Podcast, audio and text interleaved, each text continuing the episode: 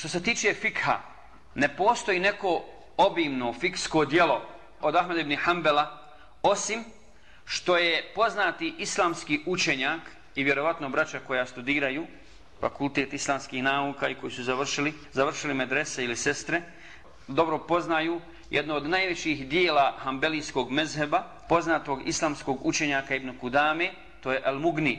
Tu su sabrane od prilike sve fetve, sve mesele od Ahmeda ibn Hanbala.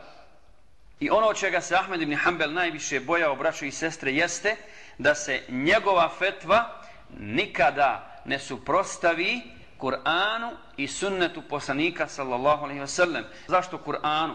Ako postoji jasan tekst u Kur'anu, nema govora onda nijedan islamski učenjak ne odstupa od toga. Međutim, što se tiče sunneta, mi znamo da tu ima razilaženja, različitog razumijevanja hadisa, nedostatak hadisa i tako dalje, do kojeg nije došao islamski učenjak, a donio je fetvu.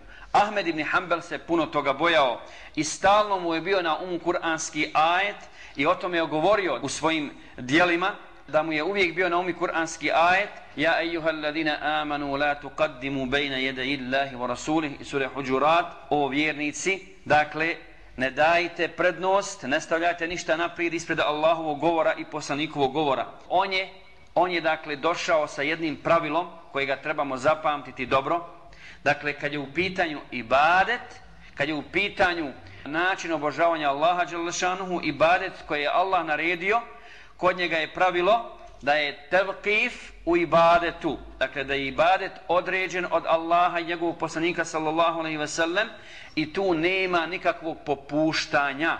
Dakle, klanjamo onako kako je klanjao poslanik sallallahu alejhi ve sellem. Zekat dajemo onako kako je došlo u tekstu Kur'ana i sunneta i ostale ibadete tako izvršavamo. Nema pravo niko ništa ni dodati, niti oduzeti. Ahmed ibn Hanbel je tu bio jako strog i držao se čvrsto sunneta poslanika sallallahu alejhi ve sellem a što se tiče muamelata dakle odnosa međuljudskih tu je bilo pravilo koje je dakle postavio i kojega se kasnije držali islamski učenjaci, naravno i prije, ali eto on je u svojim knjigama uvrstio to jedno pravilo, da tu sve je dozvoljeno dok ne dođe dokaz, dokaz da je zabranjeno, a u ibadetu je dakle obrnuto, sve je zabranjeno dok ne dođe dokaz da je, da je dozvoljeno.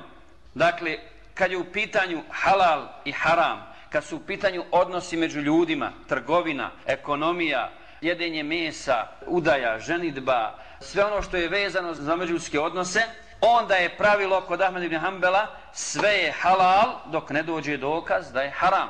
Kod ibadeta je obrnuto, sve je haram, dakle uvoditi bilo kakav ibadet, bilo kakav zik, bilo kakvu vrstu ibadeta, ako nema dokaza da ona postoji u Kur'anu i sunnetu.